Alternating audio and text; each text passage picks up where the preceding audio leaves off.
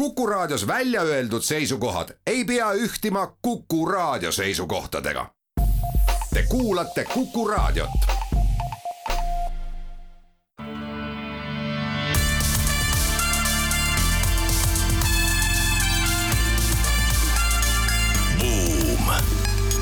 buumile annab hoogu SEB Pank tere päevast, on seitsmeteistkümnes mai aasta kaks tuhat kakskümmend kolm, oleme taas eetris Buumi saatega, saatejuhid Raivo Vare ja Anto Liivat. tänase uudisteploki avame teadetega sellest, et möödunud aastal moodustas Euroopa energiatarbimisest seitseteist protsenti tuuleenergia, kuid taastuvenergia eesmärkide saavutamiseni on Euroopas veel pikk tee minna jätkame samal lainel, räägime sellest, et suurimad äh, tuugenid on äh, pilvelõhkujate kõrgused ja lähevad üha suuremaks. arutleme Harvard Business Reviews avaldatud uuringu tulemuste varal, et kui suurettevõtete teadus- ja arendustegevuste eelarved ulatuvad juba kümnetesse miljarditesse eurodesse ja enamgi, siis millised on ikkagi keskmise suurusega ettevõtete võimalused ja konkurentsieelised suurte muudatustega kohanemisel? ja samal ajal, kui roheenergeetika teeb kogu maailmas võidukäiku, suurpangad finantseerivad endist viisi hea meelega ka nafta ja gaasi väljade rajamist. Meie tänase saate läbiv teema ongi taastuvenergeetika ning saatekülaliseks Aavo Kärmas, Enefit Greeni juht, kes aitab meil ka uudiseid kommenteerida. intervjuu plokkides räägime Aavoga nii Enefit Greeni tegemistest kui taastuvenergeetikast laiemalt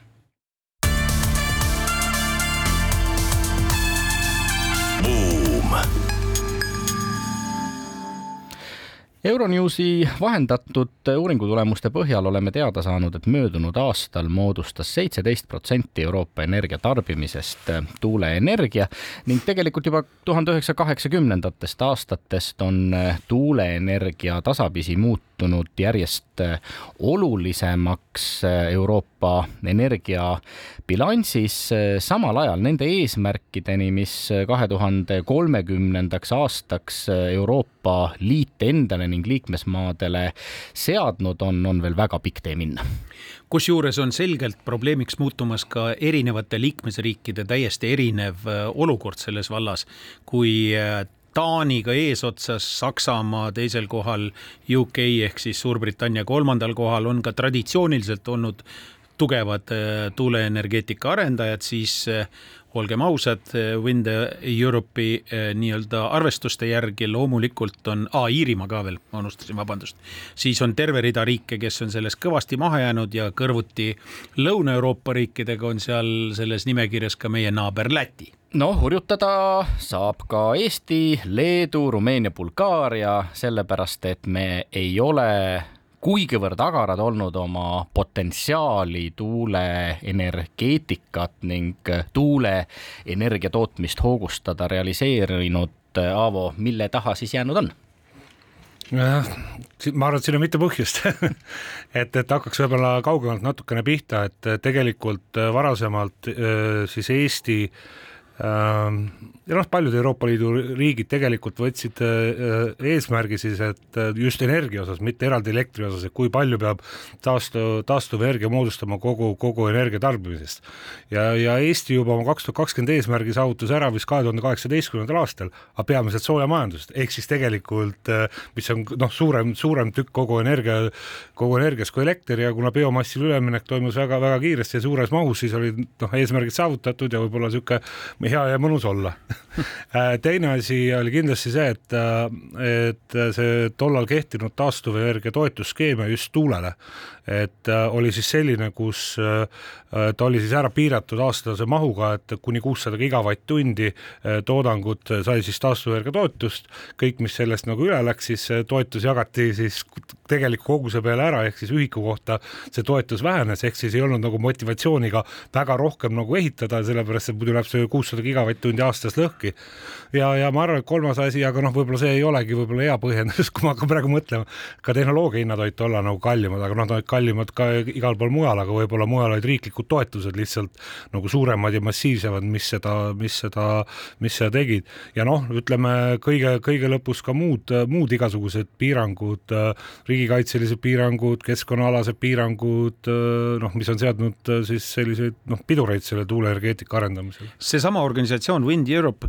kelle raporti põhjal me seda uudist räägime, märkis ära, et igal pool üle Euroopa on näiteks ka Saksamaal, näiteks ka Itaalias on suureks probleemiks ka planeeringud, õigemini planeeringutega seotud raskused, kuna see on pikaajaline projekt selline äh, tuugenite ülesseadmine ja see võtab nii tohutult ressurssi ka ja riskid on suured, ebaselgus on suur, riikidel ei ole selgeid äh, eesmärke ega selgeid protseduure piisavalt paigas, nagu ütlevad nemad, tänu sellele ei ole arendajatel initsiatiivi. Täpselt ja see on nüüd, äh, see nüüd puudutabki tänast päeva ja tulevikku, kui me tahame ikka Euroopas ja Eestis, et tuuleenergia kiiresti areneks, siis just see planeeringutel kuluv aeg ja, ja see, see peab kindlasti minema lühemaks kui me räägime toetustest või sellistest ähm, vahenditest, mis peaksid ähm, taastuvenergeetikale üleminekut toetama, siis äh, raha valatakse hiigelkogustes. Äh, Ameerika Ühendriikide Inflation Reduction Act näeb ette ette enam kui kolmsada kuuskümmend üheksa miljardit, Euroopa Komisjon äh, räägib kahesaja viiekümnest miljardist, mis kõik peaks äh, minema nende ettevõtete investeeringute ja tegevuse toetuseks, kes äh, taastuvenergia osakaalu meie energiabilansis parandavad. pead sa nende eesmärkide saavutamist realistlikuks, mis Euroopa Liit täna seadnud on ja, ja, ja kas see raha on siis piisav? See on nüüd väga hea küsimus, et äh, realistlikuks, ma arvan, et ma pean seda realistlikuks, aga ma pean kohe aga siia juurde panema. tähendab seda, et kõik need meetmed ja kõik need piirangud peaksid kohe ära kaduma ja tegelikult peaks hakkama äh, taastuvenergiat kiiresti arendama. kui me vaatame isegi Euroopa Liitu, siis äh, eelmisel aastal Euroopa Liidus tuli tuulevõimsust juurde kaks korda vähem kui tegelikult oleks pidanud tulema selleks, et kaks tuhat kolmkümmend eesmärke saavutada. nii et näide, üks aasta juba viiskümmend protsenti vähem, vähem võimsust turul. et, et ja noh, ma ütlen, kui tulla korra Eesti juurde ka, et, et see kaks tuhat kolmkümmend eesmärk, et me peaks olema siis kogu tarbimine kaetud taastuvast allikatest täiesti võimalik. ilma meretuuleparkideta me seda kindlasti ära ei tee, aga ka maismaapargid. pargi ehitamiseks, ma enne rääkisin planeeringutest, pargi ehitamiseks ei kulu palju aega park hakkab tegelikult juba elektrit tootma kuskil pooleteist aasta pärast, kui ta noh, koppa maasse löödud. meie enda Tootsi, Sopi Tootsi tuulepark, mis on kõige suurem park, me alustasime tootmist või ehitamist jaanuaris tuulikud hakkavad püsti minema järgmise aasta kevadest, hakkavad tootma ja aasta lõpuks on terve park valmis ja, ja kaheksa protsenti tarbimisest on juba ainult ühest tuulepargist. pargi rajamine on seda kiirem ja kindlasti seda soodsam, mida suuremad on tuulikud, mida pikemate labadega need tuulikud on, kõige suuremad eh, meretuugenid eh, nende labad vist on isegi lausa kolmsada meetrit pikad täna juba. ei, nii, mina ei tea, et nii suure oleks, ma tean, et kõige suurema tipukõrgus on kuskil kakssada kuuskümmend meetrit et äh, ma ei oskagi öelda, palju see rootori, rootori läbimõõt on, ma tean, et miinimumkõrgus peab olema see, et, et merepinnas kuni siis lava, lava tipuni äh, mitte vähem kui kakskümmend viis meetrit. no maa peal keskeltläbi siis umbes viiekümne meetriste äh,. maa peal on rohkem, maa peal on juba meie paneme täna juba seitsme, seitsekümmend pluss on laba meetrit. aga samas siiski hiinlased, kes on kõige suuremad äh, tuugenite tootjad maailmas ja ja nemad on ikkagi jõudnud juba saja neljakümne meetriste labadeni ja, ja tegelikult väidavad, et võib-olla asi läheb veel suuremaks. ehk siis tegelikult äh, ikkagi tegu on selliste Eiffeli torni kõrguste mm, asjadega, noh, meeter siia-sinna, see ei oma ju tähtsust, eks ole. ja, ja loomulikult on äh, just meres nähakse nagu suuremat selleks potentsiaali. lisaks tulevad juurde ka veel äh, need spetsiifilised uued tehnoloogiad, et ei peagi olema ankurdatud merre tuulikud, vaid võivad olla floating äh, nii-öelda. ujuvad, ujuvad, ujuvad jah, sisuliselt jah, õõtsuvad, ujuvad, eks ole. ja see jälle omakorda laiendab seda geograafia võimalust ja, ja see tähendab seda, et tegelikult see buumib, see industria, aga samal ajal räägitakse, et see tootmis, äh, tootmine iseenesest on kahjumis tõsi ta on jah, et kui vaadata siin maailma juhtivaid tuulikutootjaid, siis viimastel aastatel jah, on need majandustulemused olnud pigem, pigem seal negat-, negatiivsed, et äh, aga jah, ütleme, kui tulla nende meretuulikute juurde tagasi, ma arvan, see kolmsada meetrit võis olla see tipukõrgus, et hästi... tea, diameeter vist isegi projektversioonidel on jah. see, aga noh, asi on ju tegelikult väga lihtne mis energeetikas ja nagu mujal äris ikka on, on see nõndanimetatud omahind on ju, et äh, meie, ka meie vaatame alati seda nõndanimetatud inglise keeles on selline termin nagu levelized cost of electricity, mis siis äh, võtab arvesse kõiki, kõiki kulusid, investeeringuid, kapitalikulu ja nii edasi. mida madalam see on, seda odavam on ka elektri hind tegelikult, mida, mida saab pakkuda. ja, ja noh, tuulikute puhul hästi lihtne, mida kõrgemale sa lähed, seda rohkem ja stabiilsem seal see tuul on, mida pikem või mida suurem on rootori läbimõõt, seda suurema pindala pealt sa selle tuule kinni püüad, nii Sa lihtne see ongi. samal ajal nende suurte labadega on äh, üks häda, neid on raske utiliseerida, arvatakse, et maailmas äh, peaks äh, tekkima igal aastal circa nelikümmend kolm miljonit tonni tuulegeneraatorite labade jääk. kõik need labad on küll vastupidavad, aga nende ümbertöötlemiseks ülemäära häid lahendusi täna ei ole, mida rohkem ja mida suuremaid tuulikuid me toodame, seda rohkem tegelikult tuleb neid labasid äh, lihtsalt maa sisse matta, mis ei ole ülemäära keskkonna. ja need on päris koledad pildid maailma meedias on need liikunud, kus on äh, labade surnuaiad ja tohutud mäed on, eks ole, sissekaevatavaid labasid. no ma saan öelda, et, et see on nüüd minevik, et täna, täna juba ütleme, tuulikutootjad on siin ka öelnud, et alates kahekümne viiendast aastast hakkavad tootma nad täiesti sada protsenti ümber töötavaid labasid. tõsi ta on, et see ongi suurim probleem olnud, aga täna on tehnoloogiaid, kus saab ka labasid kasutada, näiteks tsemenditööstuses kasutatakse labasid juba ja kasutatakse ka teekattematerjalidena, nii et, et neid lahendusi juba on ka olemas nojah, ja miks mitte ikkagi täitsa ilma labadeta tuulikut, on nad siis sellised vibreeriva Maarjamäe obeliski laadsed või mõned muud lahendused? Nende üks eeliseid on see, et nende suurte labadega asju ei saa panna iga maja külge, aga neid väiksemaid asju nagu pidavad saama no, majade jah, külge, hoonete komplekside no, see hoone külge. peab olema siis sealsamas kolmesaja meetri kõrgusel, kus ka tuult on kuulame nüüd ära kaubanduslikud teadaanded ning seejärel jätkame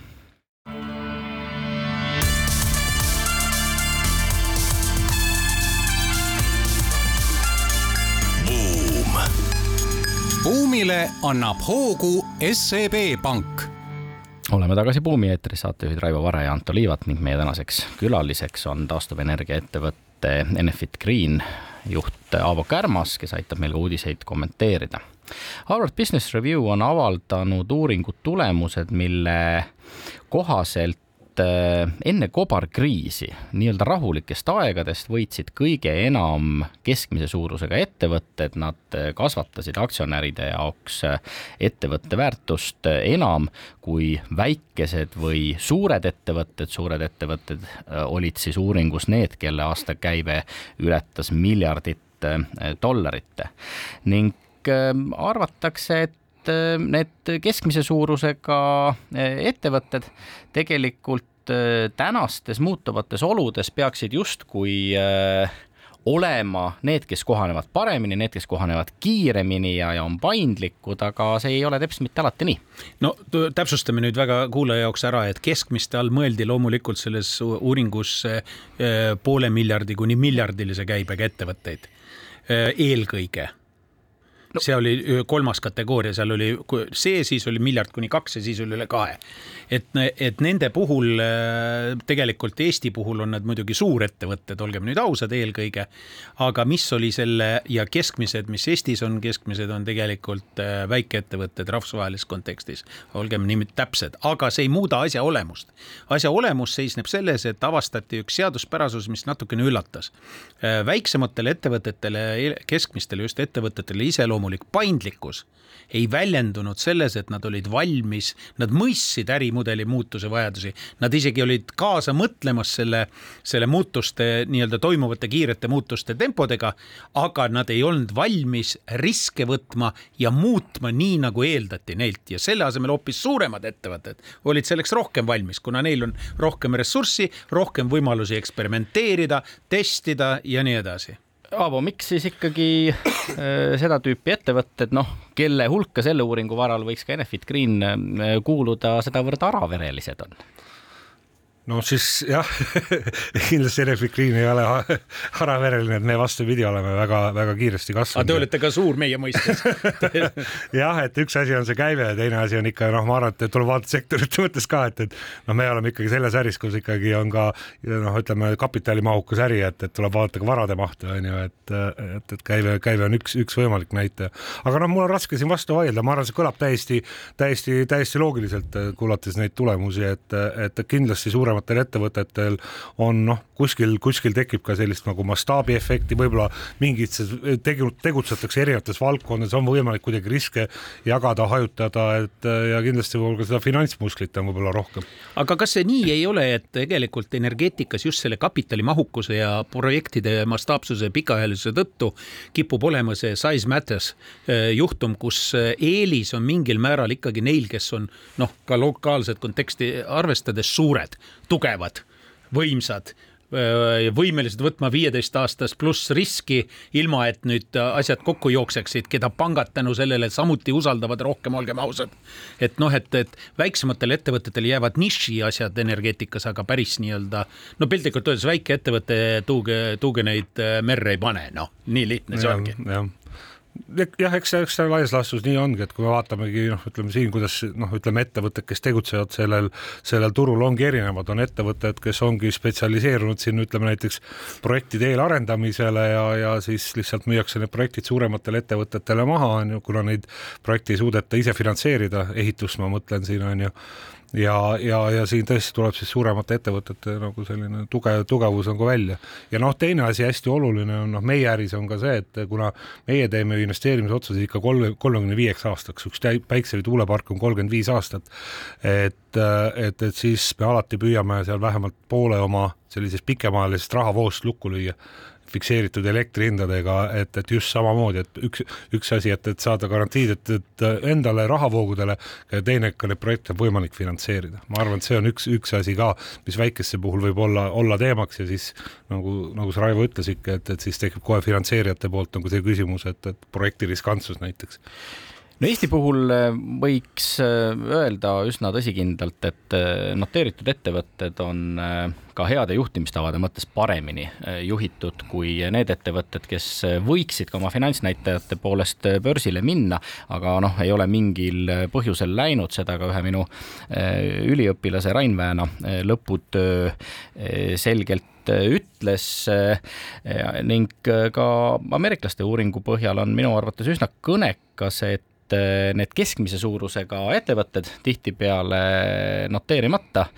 ei ole kuigi altid oma ärimudeleid ka ümber vaatama ja selliseid muudatusi ette võtma ning häda ei olegi selles, et neil oleks väga vähe raha või nad kurdaks rahapuuduse üle, nad pigem kurdavad selle üle, et nad tegelikult ei tea, mida teha ja noh, kui ei ole otseselt halvasti, siis pigem püüavad olla sellises turvalises, äh, stabiilses, aga võib-olla ka mugavustsoonis edasi. seal oli veel üks sõltuvus selles raportis välja toodud, et tegelikult on äh, keskmistel ettevõtetel on suurem osakaal on koduturgudel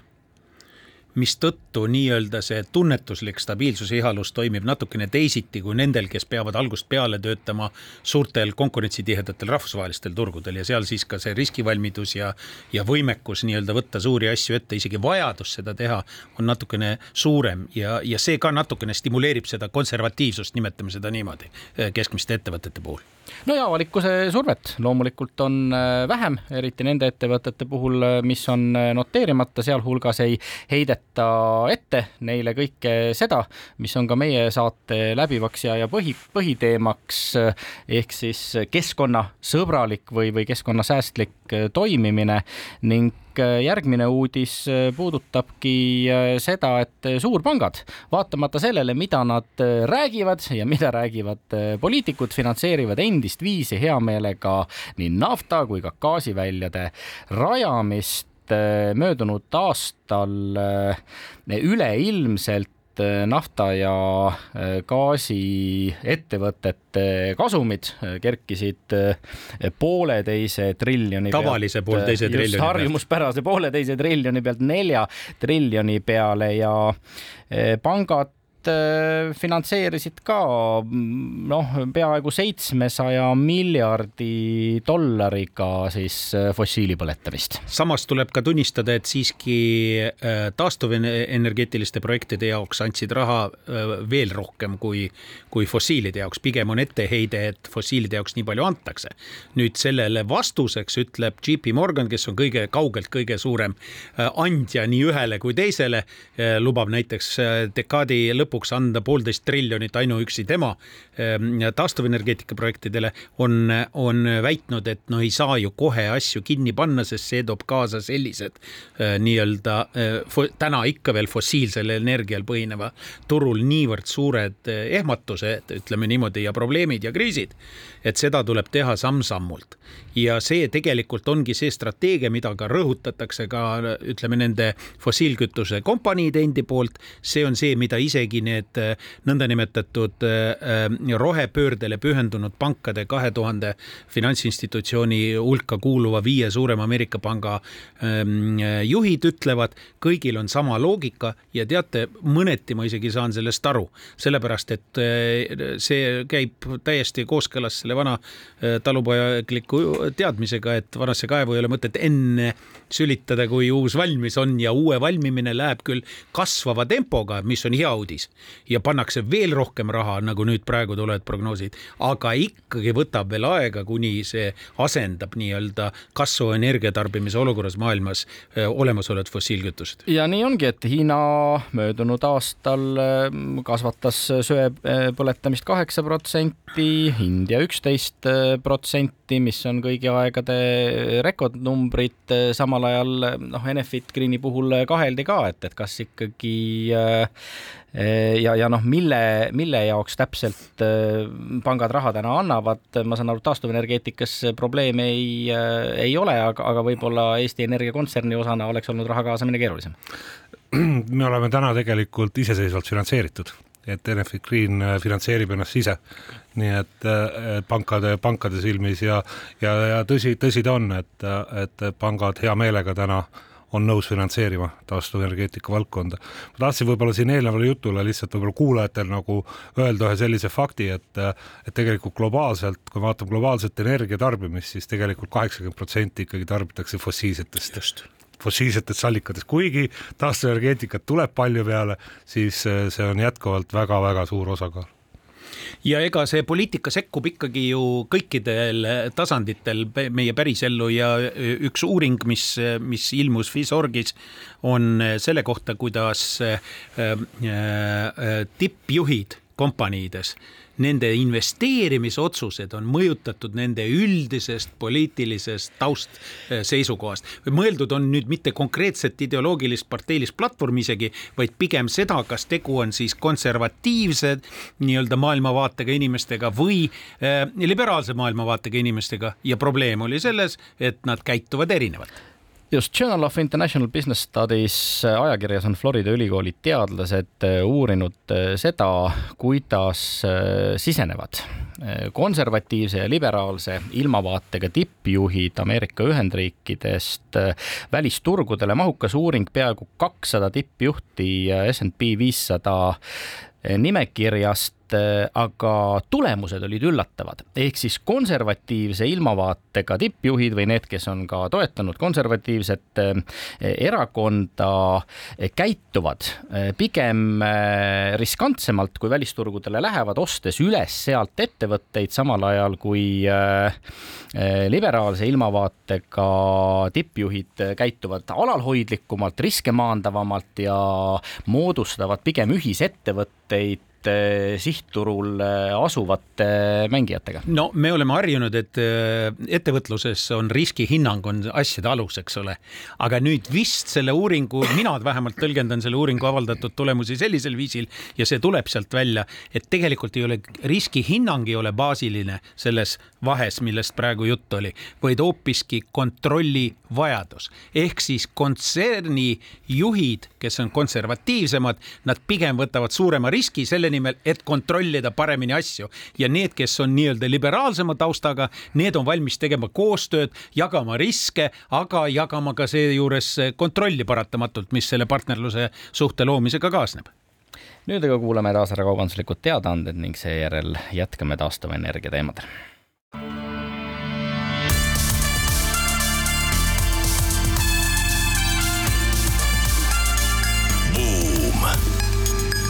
buumile annab hoogu SEB Pank. Oleme tagasi eetris äh, Buumi saates, saatejuhid Anto Liivat ja Raivo Vare ja meil on külas täna äh, Aavo Kärmas, kes on Enefit Greeni juht ja selle eelmise ploki lõputeema jätkuks esimesena kui me enne veel, kui hakkame arutama juhitava ettevõtte teemasid, oleks küsimus Aavole, mis tüüpi juht sina oled, kas sa oled rohkem seda konservatiivsemat laadi ja suurema riski aldis, aldisusega või siis liberaalsemat laadi taustaga ja seetõttu oled valmis jagama ka partneritega kõike, nii riske kui tulusid? noh, kui selles, üldiselt ma pean ennast liberaalseks inimeseks, aga kui sellel skaalal vaadata, siis äh, konservatiivne pigem meie hea saate toetaja, SEB eh, on teada andnud, et eh, jaanuari alguses eh, allkirjastas Enefit Green kolmesaja kahekümne viie miljoni euro ulatuses siis kokkuleppeid SEB ja Põhjamaade Investeerimispangaga ja tegemist on Enefit Greeni seni kõige suuremas mahus laenuraha kaasamisega. Aga kui ma nüüd õigesti aru saanud olen, siis ennekõike kasutate te seda laenuraha Sopi-Tootsi, Kelme ja Tolpanvaara tuuleparkide ehitamiseks Eestis,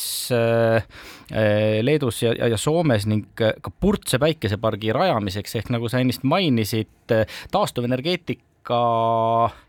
investeeringuteks annavad pangad raha hea meelega ja, ja hoolimata sellest, et te olete selle suure ja mitte võib-olla kõige keskkonnasõbralikuma Eesti Energia kontserni osa.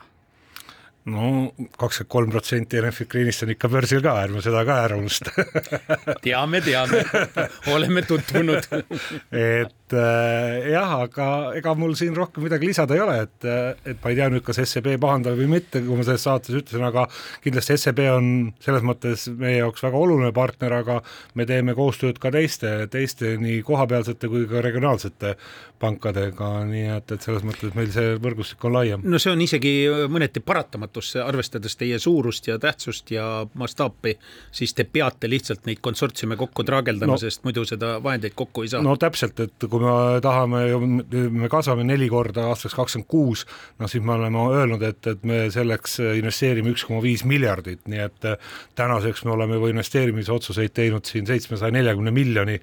ulatuses. kui pika ajahorisondiga need otsused on? Äh, Needsamad äh, kol-, äh, eluiga on kolmkümmend viis aastat ikka. eluiga kolmkümmend viis aastat. kolmkümmend viis aastat, ja valmimis, valmi-, valmimised on niimoodi, et kahekümne kuuenda aasta lõpuks peaks siis juba töös olev maht olema meil neli korda suurem, kui ta oli eelmine aasta. nii et, et me oleme praegu sel teel Te olete börsiteates ka öelnud, et teie pikaajaline arendusportfell realiseerub kahe tuhande kahekümne kuuendal aastal või, või, või pärast seda. Eh, mis selles pikaajalises arendusportfellis veel on peale juba mainitud objektide, kui on? see, see portfell, mis on nüüd kahekümne kuuenda aastani valmimisega, seal on põhiliselt eh, maismaa tuulepargid ja päikesepargid, peamiselt Baltikumis ja Poolas, aga kahekümne kuuenda aastaga elu siin maa peal ära ei lõpe, nii ka Enefit Greeni areng, nii et, et sealt edasi me juba räägime ka mere, meretuuleparkidest, et meil on ka portfellis ju kaks meretuuleparki Eestis, Hiiumaa Loode-Eesti tuulepark siis ja Liivi, Liivi tuulepark, nii et meie soov on kindlasti vähemalt üks nendest äh, ehitada valmis kahe tuhande kolmekümnendaks aastaks, et elektrit toota. ma panin tähele, Aavo, et sa kuskil e, e, eelmises plokis, eelmistest plokkidest kommentaaris mööda minnes libistasid selle väite, et ega me muidu eesmärke ei täida. Eestis ma mõtlen seda nii-öelda taastuvenergeetilist e, kasutuse osakaalu eesmärki. kas see justkui ei ole neid maismaaparke? Vabandust, mereparke, et ja, on see nii? jah, meil on puudu kuus koma kuus teravatt-tundi elektrit selleks, et sinna jõuda. noh, ei hakka siin kuulajad nüüd rohkem nende teravatt-tundide, megavatt-tundidega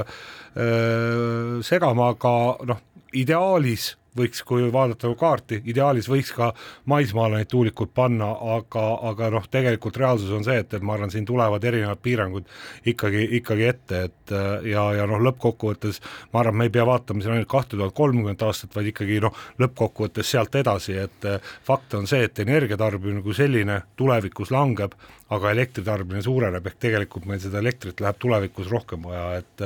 ja noh, meretuuleparkidel on siin oluline roll ja noh, ütleme niimoodi, et meretuulepargid jah, investeeringute mõttes on veel täna või omahinna mõttes on veel ütleme kõrgema, kõrgemad kui, kui mais, maismaa tuulepargid, aga, aga ma usun, et et nad muutuvad üha konkurentsivõimeliseks tulevikus ja, ja noh, tegelikult meretuuleparkidel on veel üks oluline roll. meretuulepargid tegelikult panustavad ka energiajulgeolekusse ja ka tegelikult põhivõrgu ettevõtted oma varustuskindluse aruannetes juba arvestavad ka meretuuleparkidega. aga kas te seejuures ka käsitlete meretuuleparkide projekte vesinikuga seoses? kindlasti on äh, vesinik üks osa, ütleme, suuremahuline vesiniku tootmine üks osa meretuuleparkidest, jah kuidas see hakkab välja nägema, kas seda vesinikku toodetakse sealsamas merel, toodetakse seda maismaal, kuidas seda vesinikku transporditakse, kas kasutatakse olemasolevat taristut, rajatakse selle jaoks uus taristu, noh, need on veel kõik need, need teemad, mis vajavad lahendamist. aga see ei ole nii-öelda eelduseks, vaid see on täienduseks meretuulepargile? see, see on täiend-, täienduseks. aga selle... kuidas siis sellisel juhul on äh, vastata sellele äh, väitele, et no Eesti ei tarbi kogu kavandatavate meretuuleparkide toodetud energiat ära? No ütleme, üks meretuulepark on pool täna, pool tänasest Eesti elektritarbimisest. seda küll, see on nii-öelda üldarvestuses, aga nii-öelda ajalises konkreetikas võib juhtuda, et on toode, toodavad rohkem kui, kui vaja. noh, selle jaoks on ühendused olemas aga et need ühendused peavad mujal olema? no need ühendused on, ütleme niimoodi, et elekter liigub alati sinna, kus on, kus on kallim hind, on ju, kas aga kas ei juhtu et... niimoodi, et teeme tuulepargid, nad tagavad meile elektronide olemasolu meie võrgus, kui on, meil on vaja, aga hinna mõttes hakkavad nad orienteeruma sellele siht eksporditurgudele, kus hinnad on kõrged? jah, see, see võib nii olla, see võib nii olla kui äh, vaadata viimase aasta plaanis äh, Enefit Greeni äh, aktsiahinda, siis see on seal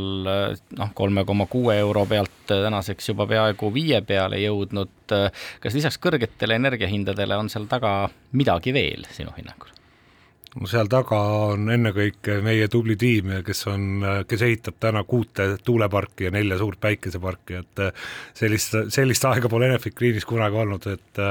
et tegelikult needsamad tuulepargid ja päikesepargid, noh kokku on kuussada megavatti ja kui meil tänane võimsus on nelisada viiskümmend, nii et need pargid saavad kõik juba selle aasta jooksul siin valmis, nii et, et selle aasta lõpuks oleme juba kaks korda suurem ettevõte võimsuste mõttes, kui me olime aasta tagasi. et siis aktsiainvestor sisuliselt näeb, et toimub toimub areng, toimub mahtude märgatav kasv. me oleme jah, me oleme investeerib hästi, sellesse. ja me oleme hästi-hästi läbipaistvad suheldes oma aktsionäridega, et, et me näitame aktsionäridele alati seda, et kuidas me töös olevad projektid edenevad ja ütleme, sihuke aasta-poolteist ette me näitame ka seda, mida me, mida me plaanime siis äh, selle pooleteist aasta jooksul teha ja kuhu investeerida projektide kaupa, mitte, mitte kuidagi ambivalentselt mingit mm -hmm. koondnumbrit näidates kuivõrd äh, päikesepargid, mida tegelikult ikkagi järjest rohkem ka arendatakse, luuakse ja, ja just ka sellised väiketar-, tarbijad, väiketootjad äh, järjest rohkem püsti panevad, on äh, teie konkurendid? ei, ma arvan, et nad ei ole konkurendid, siin on ruumi kõigile, et, et, et lihtsalt need, ütleme niimoodi, et nende väike väiketarbijaid või tootjaid, vabandust, siis mikrotootjaid on täna vist Eestis juba seitseteist tuhat, et noh, ma arvan, mikrotootjate ikkagi peamine kuidas ma ütlen, tegevus on see, et, et toota elektrit enda tarbeks, et mitte, mitte teda nii palju nagu võrku, võrku müüa, et ja ka meie tegelikult, meie ehitame suure, suuri päikeseparke, mida mõõdetakse megavattides, kümnetes megavattides. ja, ja, ja täna noh, mul ongi hea meel öelda, et meil tegelikult ongi nüüd valminud siis Baltikumis esimene nõndanimetatud hübriidpark, seesama Purtse kus siis ühe sama elektriühenduse taha on ehitatud nii tuulepark kui ka päikesepark, tulevikus on võimalik sinna veel aku juurde panna, et, et sama võimsust ära kasutada, võrgu, võrgu, võrgu liitumisvõimsust. miks see hea on, on sellepärast, kui te vaatate, milline on tuule või päikese see nõndanimetatud toodangu profiil, siis tuul mm, -hmm. tuul on nagu uud, täiesti täiendavad, nii et, et neid tunde aastas, kus tuleks ühte või teist elektrijaama siis nagu maha koormata noh, neid on väga-väga vähe ja see on selgelt tulevik, nii et me kõiki uusi parke juba arendamegi, arendame täpselt samamoodi. no kõik, kõiki uusi parke? kõik, kõik, kõik uusi, kõik uued tuulepargid äh, näiteks on meil alati, et, et näiteks sinna Sopi-Tootsi, ta ei ole nüüd päris nagu hübriidpark selles mõttes, see on nagu eraldi liitumine, aga samas asukohas on meil, tuleb ka seis, suur seitsmekümne viie megavatine päikesepark. sa juba mainisid akusid, mille kohta tahtsin äh, ka küsida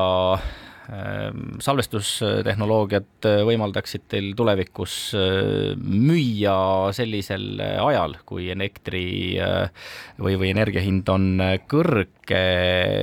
Ja, ja see vist on ka üks selliseid olulisemaid äririske investorite jaoks täna, ehk siis kuivõrd need investeeringud, mida te täna väga julgelt ja suurelt olete ette võtnud, ennast ära tasuvad olukorras, mil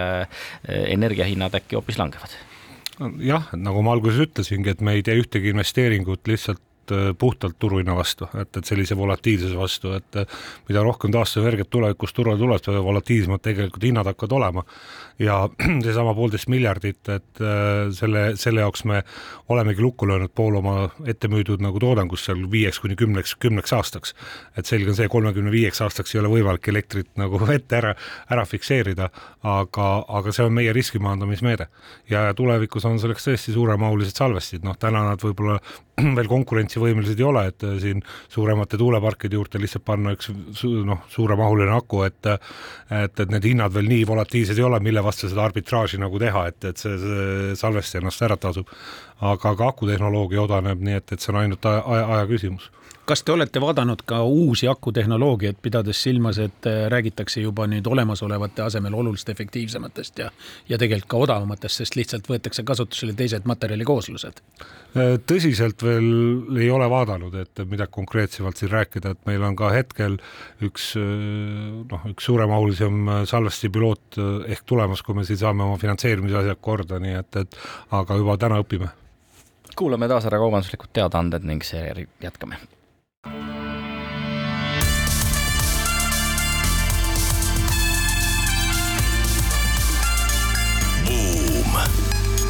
buumile annab hoogu SEB Pank. Oleme tagasi Buumi eetris, saatejuhid Raivo Vare ja Anto Liivat ning meie tänaseks külaliseks taastuvenergia ettevõtte Enefit Green juht Taavo Kärmas ning äh, taastuvenergia teemadel äh, jätkame ka. Äh, uudisteplokis mainitud ning Euronewsi vahendatud raport ütleb meile, et edukad on ikkagi need riigid ja, ja, ja ettevõtted, kellel on väga selge pikaajaline strateegia läbi mõeldud, kuidas nad taastuvenergeetika eesmärke saavutavad ning eh, heade näidetena tuuakse seal esile Taanit, Saksamaad, Ühendkuningriike, kuivõrd on Eesti riigil see strateegia sinu hinnangul, Aavo, paigas ja, ja mil määral ja, ja mismoodi olete te Enefit Greeni strateegia kõiki neid aspekte, mida arvesse võtta tuleb, sisustanud mm. -hmm mulle väga meeldib Eesti kaks tuhat kolmkümmend eesmärk, siiralt, ja ma ütlen veel kord, ma usun, et seda on võimalik täita, aga selle jaoks ongi, üks asi on eesmärk, teine asi on see strateegia ja sealtkaudu tegelikult pikaajaline tegevusplaan, et äh, mida, mida vaja selleks teha on, et äh,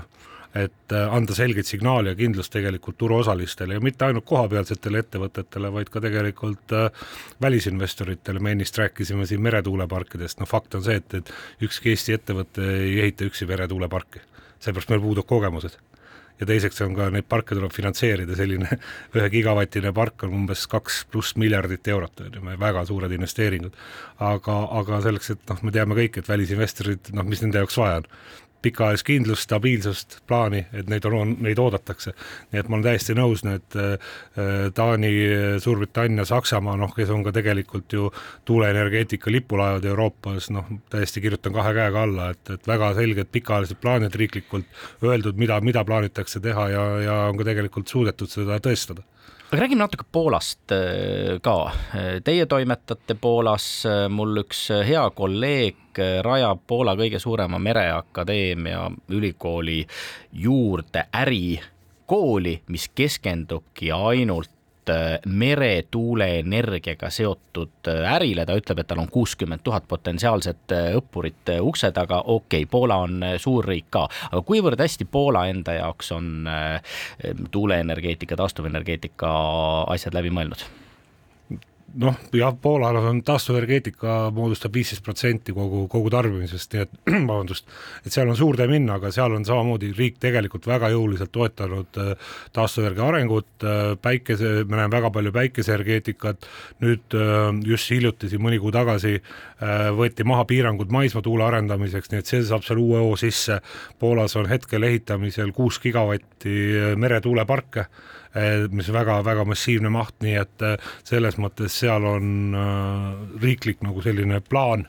sellest söeäärist väljuda väga tugev. No kuigi on nad- ka, kuigi on ka hääli, mis seda ei toeta. just tahtsingi seda öelda, et väga tükk aega oli risti vastupidine defensiivne selline lähenemine ja ja Poola kauples endale erandeid neljanda, üheksanda aastani välja sööga, aga nüüd on nad küll vist muutnud oma seisukohti ja mitte ainult eh, tuuleenergia ja päikseenergia suhtes, ka tuumaenergia suhtes, sest Poola on alla kirjutanud juba kaks tuumajaama rajamise äh,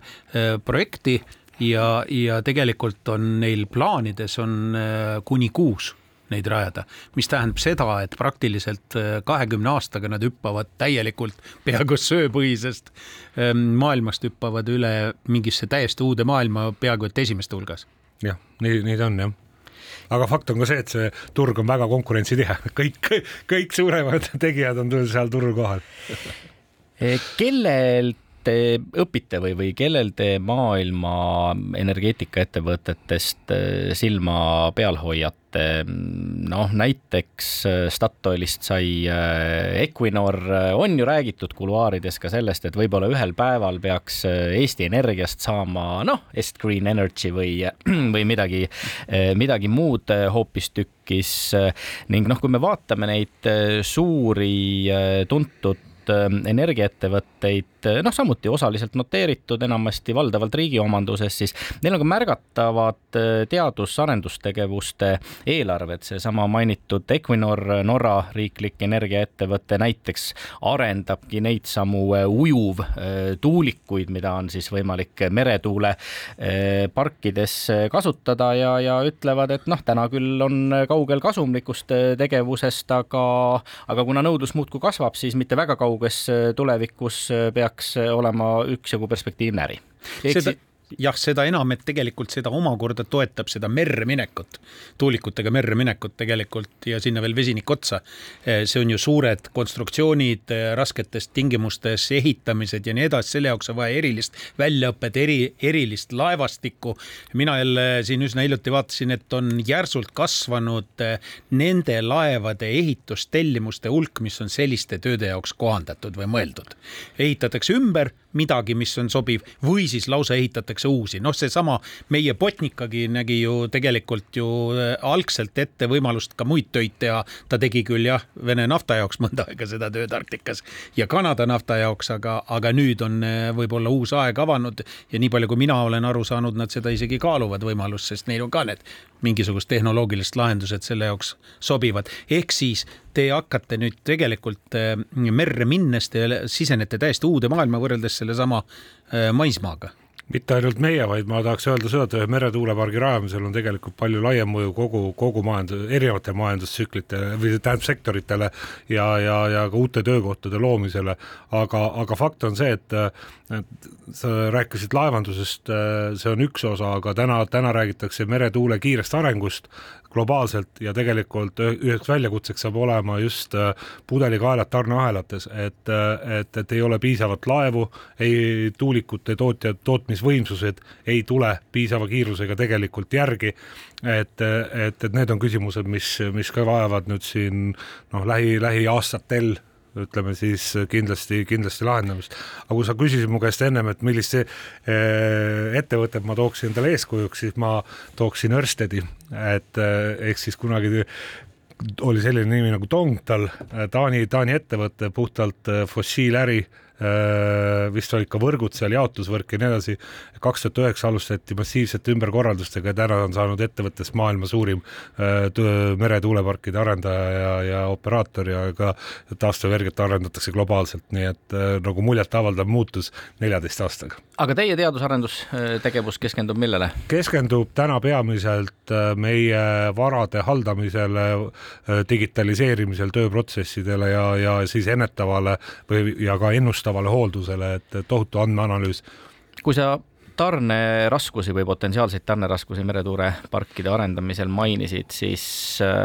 kas need tarneraskused ikkagi ei ole ka mõneti võib-olla sellised kunstlikud elik poliitilised, ehk siis kui kõige suuremad tuulikute tootjad on hiinlased, noh siis teistpidi, ega me väga ei taha neid Hiina tootjate tuulikuid siia Euroopasse lubada ja noh, püüame erinevate juriidiliste kniffidega muuhulgas neid siit turult eemal hoida ma ei oska seda kommenteerida, et ma ei oska seda kommenteerida. fakt on see, et, et arvuliselt on nii, äh, Hiinas äh, üle maailma kõige rohkem tuulikutootjaid, aga täna ikkagi viiskümmend protsenti äh, tuulikutest tarnitakse ikkagi viie ettevõtte poolt, kes ei ole, ükski ei ole Hiina ettevõte me oleme kuidagi väga tuulikutesse läinud, aga sa mainisid ka, et te päikseparke käsitlete kombinatsioonis tuulikutega, kuna see on eriti efektiivne loogika. aga kas te selliseid asju nagu maailmas kõvaks sõnaks praegu muutunud vee peal, vee pinnal float ivad päiksepargid suurtel pindadel, hiinlased on eriti, tuli meelde seoses hiinlastega, et nemad on eriti kõvad tegijad selles mõttes, et nad panevad ruutkilomeetri korraga merepinnale sinna seda, seda tuulikuparki või vabandust, päikseparki ülesse. kas teie ka sellist võimalusi vaatate, meil ju merd on ja hakkate mereparke tegema ja hea küsimus, aus vastus on see, et ei vaata, et, et viimane selline suurem muutus, mis on olnud, et, et on see, et, et suuremates parkides me kasutame siis kahepoolseid päikesepaneele, ehk siis ka tegelikult paneeli tagumine pool toodab elektrit maapinnalt peegelduva valgusele. ja kui suur see efektiivsus on sellisel juhul? no sealt võib täiendavalt tulla kuskil viis, viis pluss protsenti toodangut sulle juurde. isegi? põrkest? jah, põrkest. maapinnal, vau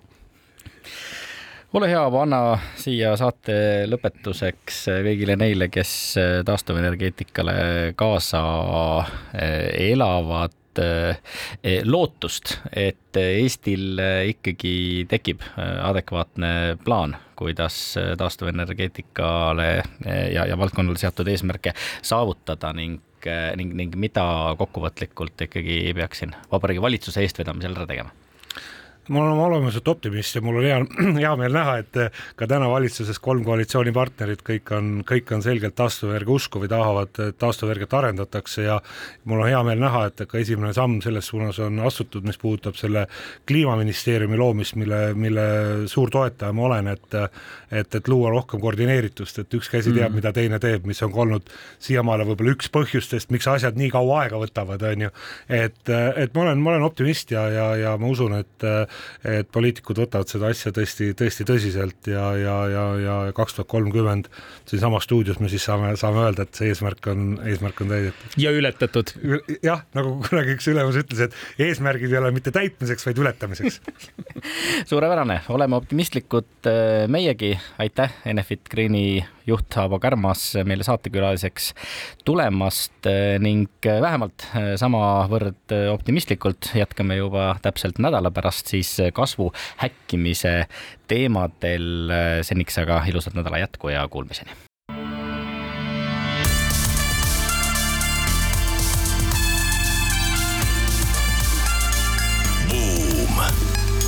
buumile annab hoogu SEB Pank